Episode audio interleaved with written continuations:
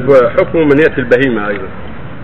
البهيمة جاء فيها الحديث هذا الذي فيه سند اختلاف أنه يقتل وجاء عن عباس أنه يعزر تعزيرا لأن السند وحده لا يكفي لأن فيه اختلاف.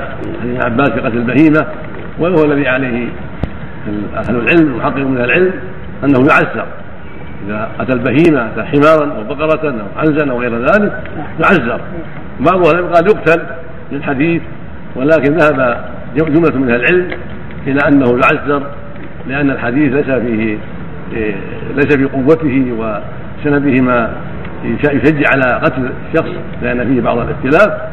آه، والأصل عصمة المؤمن الأصل عصمة المؤمن فوجب أن يعزر بما يراه ولي الأمر من جلدات أو جلد وسجن أو غير ذلك مما يراه ولي الأمر رادعا عن هذه الفاحشة.